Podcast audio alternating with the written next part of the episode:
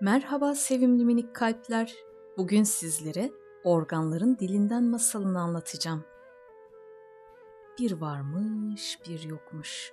Evvel zaman içinde, kalbur saman içinde vakit iyice ilerlemiş. Saat gece yarısını geçmişti. Kalp atışlarını yavaşlatmış, akciğer soluk alıp verme hızını düşürmüştü. Beyin ise renkli bir rüyaya başlamıştı bile. Derken mide Of gözümü uyku tutmuyor. Ağzıma kadar tıka basa doluyum. Çok kötü hissediyorum.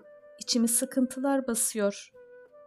Beyin midenin söylediklerini hemen duydu. Neler oluyor orada?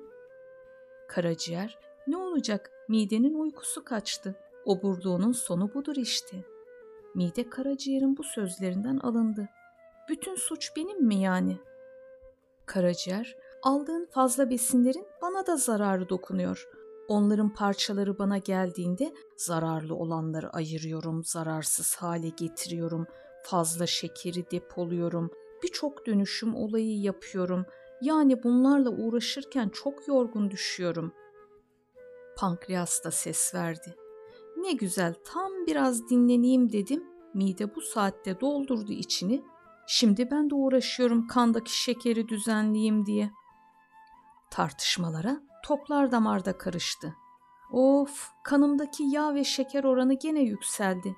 İçimdeki kan zorlukla ilerliyor. Karaciğerin bunları düzenlemesi gerekirdi. Karaciğer hemen kendini savundu. Arkadaş, sen de mi suçu bana yüklüyorsun? Atardamar havasız kalmıştı. Yeter, susun artık. Gürültünüzden işimi yapamıyorum. Ah, keşke biraz daha temiz hava olsaydı. Oksijenim azalmaya başladı. Hücrelere yeterince oksijen sağlayamaz oldum. Bu sözler üzerine akciğer soluk alıp vermeyi hızlandırdı. Ama temiz hava bir türlü gelmiyordu. Beyin, arkadaşlar artık birbirinizi suçlamayı bırakın. Siz görevlerinizi yerine getirdiniz. Karaciğer hemen söze girdi. Şu mide dostumuz da görevini yapsa iyi olacaktı doğrusu. Beyin mideyi savundu. Bu fazla yemeklerin sorumlusu mide değil ki.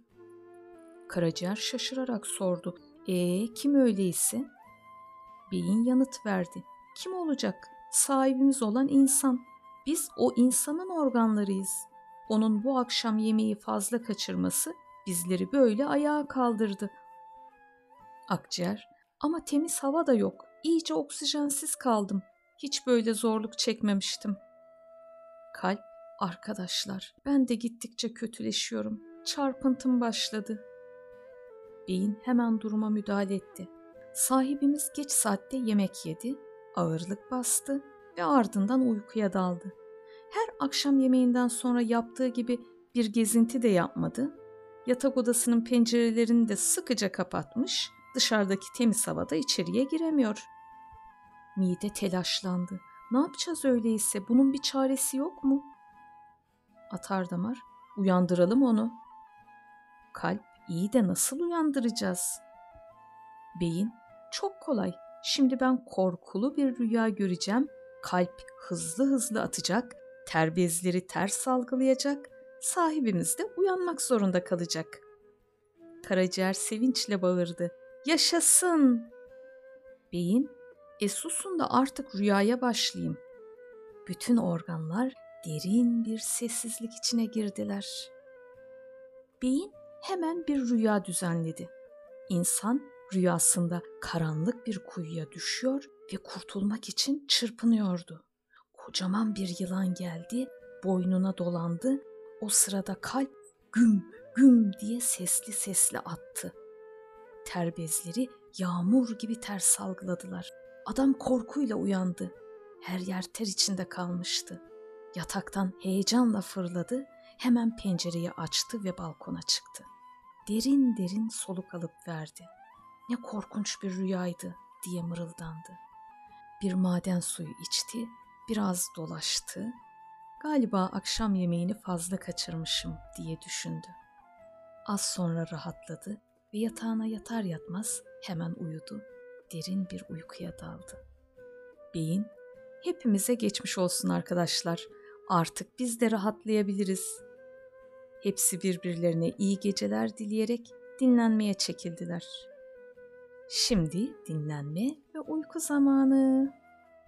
Tekrar görüşmek üzere sevimli minik kalpler. Hoşçakalın.